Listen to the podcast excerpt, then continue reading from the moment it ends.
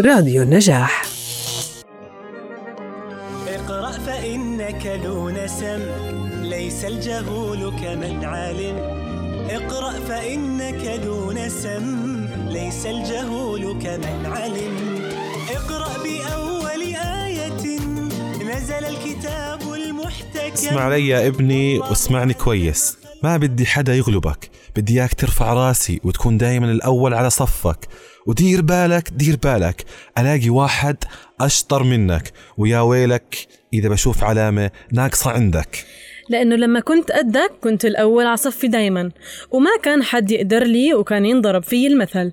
ولولا الظروف كان هسا أنا لازم دكتور أو مهندس قد الدنيا وكنت دايما أدرس حتى لو على الشمعة. وكنت يا ولدي أروح مشي وأرجع مشي مش مثل ولادي اليوم سيارات وباصات لباب المدرسة. حتى مصروف ما كنا بنأخذ كنت بأخذ أي إشي تسليكة من البيت. كنت بالشتاء أروح وأتبلل بس ما كنت أضيع أي حصة عشان كان يا ويله اللي بيغيب ورح ياكل قتلة من الأستاذ وكمان من أبوه مش رح يخلص منه. طالب ومتميز ومؤدب كمان. كنت وكنت الكثير من كنت وكنت والقصص اللي ما بتنتهي عن أساطير وروايات أهالينا الدراسية وأمالهم وطموحاتهم فينا مستقبلا مع عشرات النصائح المستمرة. أكيد مستمعينا سمعتوا من هالنصائح؟ أكيد كلنا سمعنا وسمعنا كتير مش بس شوي. أعزائنا المستمعين أهلا فيكم بالحلقة الخامسة من برنامج تقول الأسطورة. يا ترى هالمرة وين رح نروح؟ معكم في رحلة الحلقة الخامسة أنا رهف الخياط. وأنا حسام الدين الإبراهيم رح نزور بهاي الحلقة أساطير الدراسة والشغل وكيف الناس اللي حوالينا شايفينهم. أهلا وسهلا فيكم. اربطوا الأحزمة. انطلقنا. إن القراءة رحلة في الكون في الفكر الأعم في الحب في الإيمان في الإنسان في الوطن الأشم. إن القراءة في سؤال محيرني يا حسام. مش كأنه مجتمعنا وأهلنا ببالغوا كتير بحرصهم واهتمامهم على التعليم؟ قبل ما أجاوبك يا رافع هيك سؤال. خلينا نشوف آراء الناس. أعزائنا المستمعين سألنا الناس على مواقع التواصل الاجتماعي. هل المجتمع ببالغ بحرصه على الدراسة والتعليم؟ شاركتنا زينب الزعبي بإنه لا في كثير آباء وأمهات بيكون عندهم رغبة لتعليم الأولاد والأبناء. بس قد هالنسبة وأكثر منهم بيحكوا لهم إنه تعلم المهنة أحسن. وزي ما بتحكي البنت ملهاش إلا بيتها. وكمان شاركتنا آمنة حماد بأنه آه جدا. بس الفكرة مش بالحرص الفكرة أنه نسيوا الهدف أصلا من الدراسة. ممكن نتفق مع هذا السؤال بجزء يا رهف. في مبالغة؟ آه فيه ومطلوب من الأهل الحرص كمان مطلوب. لكن كل إشي ضمن حده الطبيعي. يعني كل إشي بيزيد عن حده بينقلب ضده. بس يا راف ممكن في أسباب تخليهم يبالغوا ويهتموا كثير؟ بتخيل يا حسام الأسباب اللي ممكن تخلي المجتمع يعطي هالاهتمام هو أنه بالقرن الماضي كانت الأمية منتشرة بشكل كبير بعالمنا العربي وكانت الدراسة وخصوصا الجامعية مقتصرة على فئة أبناء المدن بس أصحاب الدخل العالي. وكمان يا رهف كان بعض أبناء القرى اللي تساعده الظروف وتزبط معاه يطلع ويكمل دراسته. فكانت النظرة للمتعلم يعني إنه إشي رهيب. يعني فعليا فعليا كانوا ينظروا له كأسطورة وفخر. يعني باختصار هذا هو اللي رافع اسم العيلة. للسماء الإخوة في الدين في الأرض في الماء في الهواء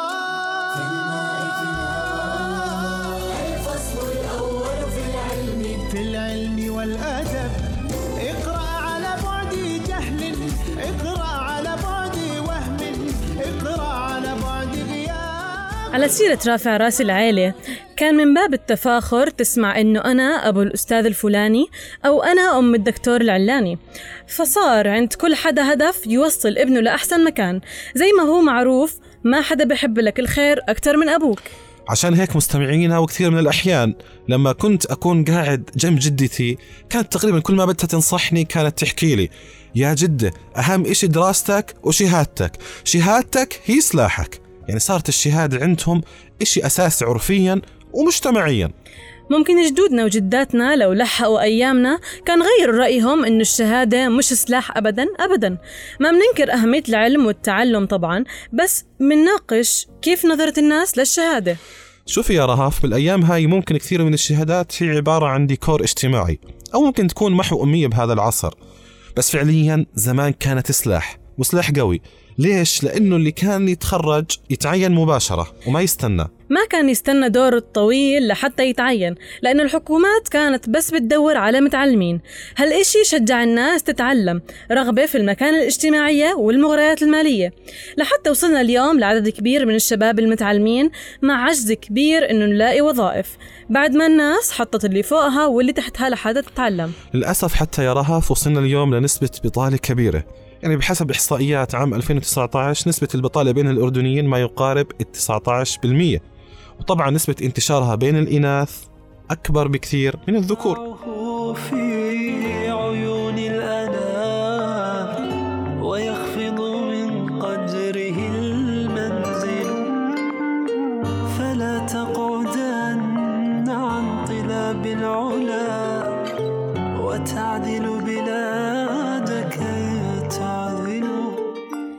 بس من الأشياء اللي كانت مبشرة بالخير وعملت نهضة كبيرة ببلدنا هي انخفاض نسبة الأمية. يعني إقبال الناس على التعليم ساعد على صناعة مجتمع مثقف ومصدر للمتعلمين ومركز استقطاب للتعلم.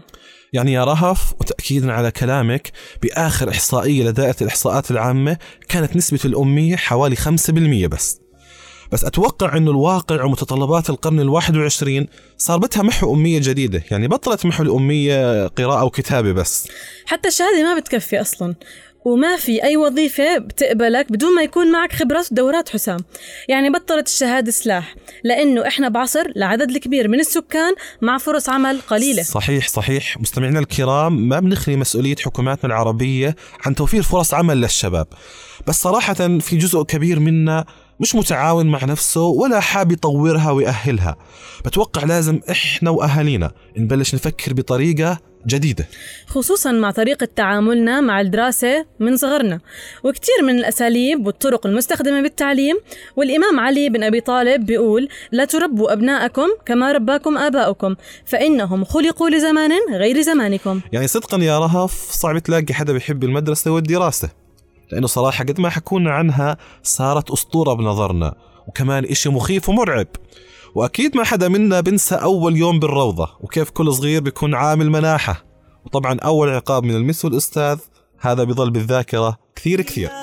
حتى تضيء بشمسها أرواحنا للدين والدنيا جمعنا أمرنا كي لا يضل عن الحضارة ركبنا.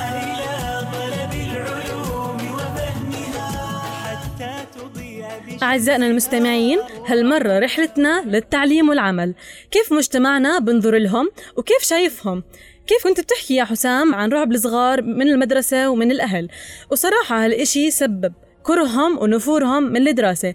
يعني أهالينا ومجتمعنا بحسن نية كرهونا بالدراسة. صدقا يا رهف من الأشياء الصعبة اللي بيواجهها أي طالب هي أمال أهله اللي ما بتنتهي طبعا. بدنا منك وبدنا منك وبدنا منك. يعني الطالب المسكين بيكون عايش بتوتر من صغره وهالتوتر بيكبر وبيعيش معه وممكن يمنع ويبدع أو يكون إنسان مميز. تعرف يا حسام إيش أكتر الأشياء المستفزة بهيك مواضيع؟ لا يا رهف وحابين نسمع منك. هي قصة إنه الكل بدهم أولادهم عباقرة وأذكياء. بس هالإشي مش صح لأنه ربنا خلقنا متفاوتين بكل إشي حتى بالذكاء. بس الإشي المهم إنه لازم كلنا نتعلمه إنه كل شخص ذكي ومتميز بمجاله. وكمان كل إنسان عنده قدراته ومهاراته ضمن مجال اهتمامه. ليش بتحكم عليه إنه ذكي أو مش ذكي؟ بناء على إشي ما بيحبه ومش متميز فيه ولا من اهتمامه أصلا. بتصدق يا حسام؟ أكيد يا رهف. كتير من تصنيفات الأهل والمدرسة مش خاضعة لأي معيار علمي وكتير من الأحيان بتكون هي سبب دمار طالب. وممكن هون المصيبة إنه الطالب يقتنع إنه هو مش ذكي وضعيف. من الأشياء اللطيفة يا رهف وتعلمناها براديو النجاح إنه في عند كل حدا نقاط قوة ونقاط تطوير. نقاط تطوير مش نقاط ضعف لأنه مجرد سماع الكلمة له تأثير كبير. تعرفي كمان يا رهف من الأخطاء الكبيرة بمدارسنا مثلا لو في طالب متميز بالرياضيات وضعيف بالكيمياء يا حزرك إذا بدهم يعطوه دروس إضافية بأي مادة راح يعطوه؟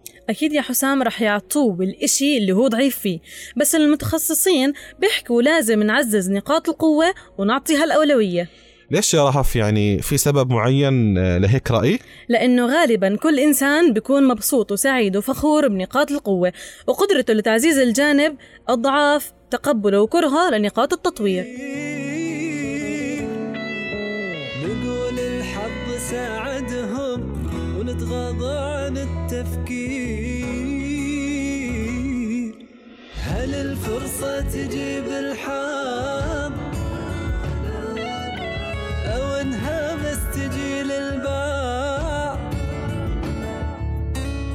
ترى التوفيق لها سبب. تعرفوا مستمعينا الرائعين إنه أكبر كارثة موجودة هي تصنيف الطلاب لا قوي وضعيف وذكي ومش ذكي.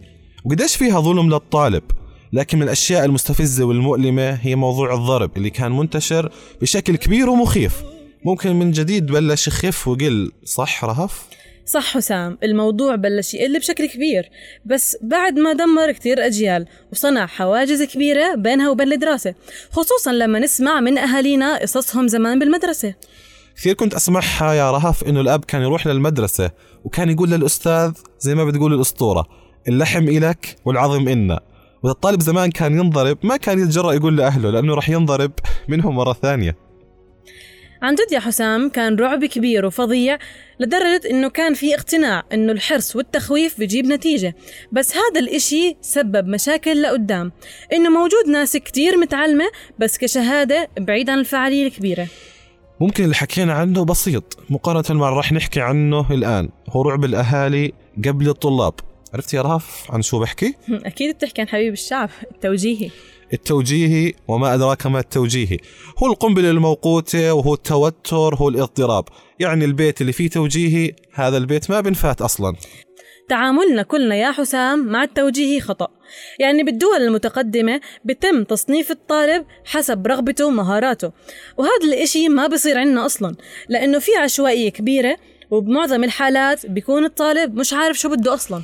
وللأسف كمان يا رهف حتى الأهالي في كثير أحيان ما بيكونوا عارفين شو بدهم ولا عارفين مستويات وتأسيس أبنائهم وهذا اللي بيعمل كابوس كبير بالتوجيهي لأنه غالبا إحنا بننسى الطالب أكثر من 11 سنة. وبنتذكر نقوي الطالب على التوجيهي خصوصا إذا كان رايح علمي هون بتكون المصيبة لأنه أصلا زي ما بتقول الأسطورة روح علمي عشان يطلع لك تخصص كويس وتصير مهندس أو دكتور.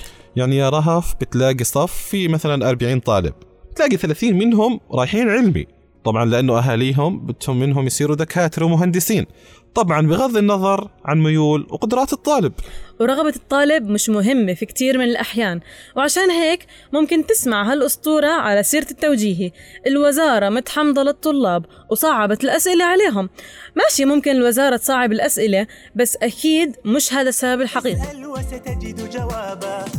أسرار الكون ستعرفها. ناقش واعرف أسبابا تلقى عجبا وعجابا. نفسك بالعلم تحررها. وأكيد الأسباب موجودة زي ما حكينا وزي ما بيقول المثل الشمس ما بتتغطى بغربال الأسباب موجودة بيظل مين يعالجها ومين يبادر لحلحلتها. وللأسف صار التوجيه بسنوات معينة مقبرة الطلاب وسبب كبير لترك الناس الدراسة لأنهم عارفين أصلا مش راح ينجحوا مهما حاولوا. حتى يا حسام تدخلات الأهل ما بتخلص. أكيد الأهل لازم يكون لهم دور بالتوجيه والإرشاد بس حسب اللي بنشوفه من نسب وإحصائيات إشي سيء كتير. للأسف يا رهف. لأنه يا حسام الكل بده أولاده مهندسين ودكاترة وصيادلة وعشان المكان الاجتماعية والامتيازات المالية لأنه مجتمعنا بيحترم الشخص بناء على وظيفته للأسف طبعا. وهالإشي سبب إقبال كبير وتراكم على بعض التخصصات. وصارت المصيبة إنه بعد التخرج ما في فرص عمل. لكثرة أعداد الخريجين في بعض التخصصات مع ندرة فرص العمل. وصار عادي جدا كمان يا حسام تشوف تخصصات العكس بدها مين يشتغل فيها. وهذا بدل بشكل واضح على سوء في التوجيه بالدراسة الجامعية واختيار التخصص. وحتى فرضا لو الشخص لقي وظيفة راح تكون حياته عبارة عن كابوس. لأنه بيعمل إشي بشكل يومي وهو ما بيحبه لأنه مجبر عليه وهون الكارثة صدقا. ما رح يكون عنده رغبة وما رح يتميز بعمله أو يبدع وفي اقتباس جميل يا حسام بحكي افعل ما تحب ولا تحب ما تفعل. أنا لست ممن قال كان أبي بل قلت للأكوان هانذا. آه عزم وإصرار. كمان يا رهف زي ما ذكرنا ببداية الحلقة إنه الشهادة سلاح. كمان في أسطورة كانت منتشرة وممكن لسه منتشرة إنه المرأة ما إلها إلا بيت جوزها.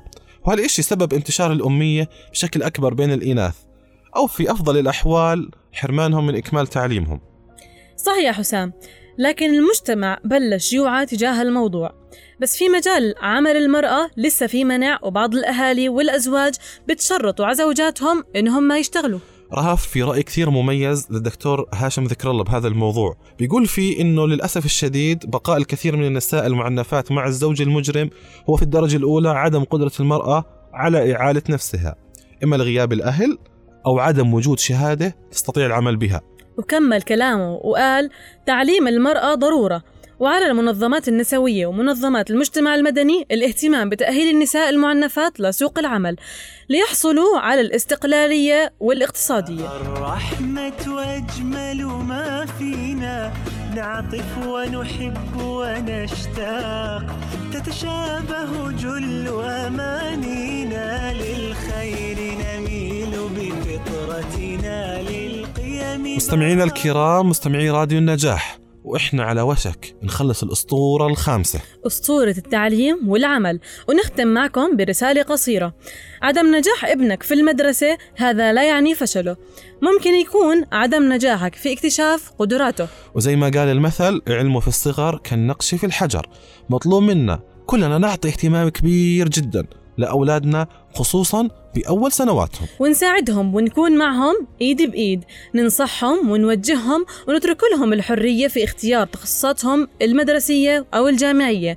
ونترك لهم كمان حق اختيار العمل والوظيفة المناسبة لهم لأنه هاي حياتهم وهاي قراراتهم وهذا مستقبلهم. في اقتباس جميل يا رهف بيحكي إن متعة الخطأ في اختيارك الحر تفوق سعادة الصواب فيما تم اختياره لك. وديستوفسكي كمان قال إن كل ما يريده الإنسان هو ببساطة الاختيار المستقل. مهما كلفه ذلك الاستقلال ومهما كانت نتائجه.